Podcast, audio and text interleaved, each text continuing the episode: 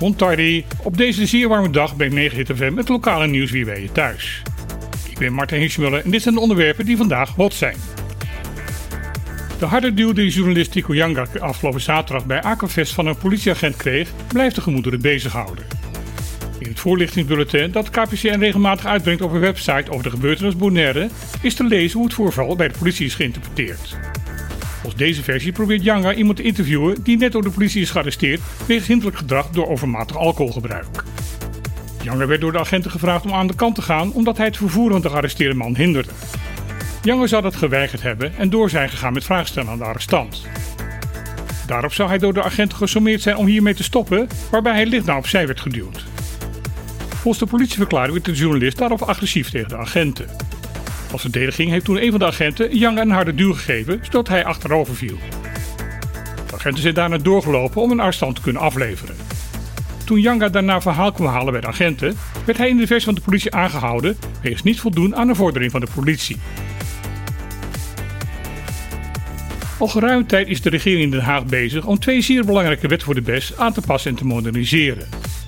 Gaat hierbij om de Wolbes, de wet die bepaalt hoe het openbaar bestuur op de eilanden is geregeld, en om de Finbes, de wet die alles regelt aangaande financiële zaken van het lokale bestuur op de BES-eilanden.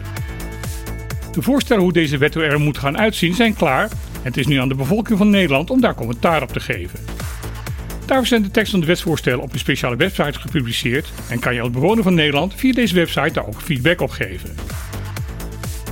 In een persbericht laat het bestuurscollege van Bonaire weten dat deze rechtstreekse mogelijkheid tot inspraak slechts door drie bewoners van Caribus Nederland is benut.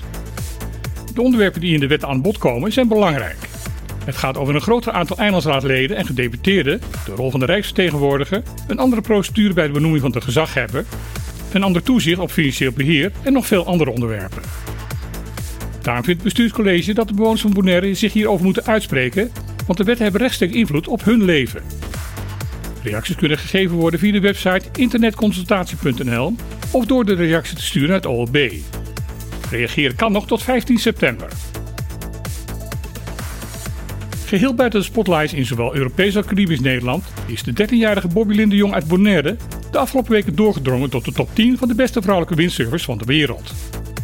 Dit onmerkelijke resultaat behaalde zij door tijdens een PWA slalomtoernooi op het Canarische eiland Fuerteventura op de negende plaats te eindigen. De gehele wereldtop was bij dit belangrijke toernooi aanwezig. Eigenlijk stond Bobby Lin helemaal niet op de startlijst van het toernooi. Maar omdat het meedoen aan dergelijk toernooi haar droom was, stuurde zij een verzoek in voor de zogenaamde wildcard.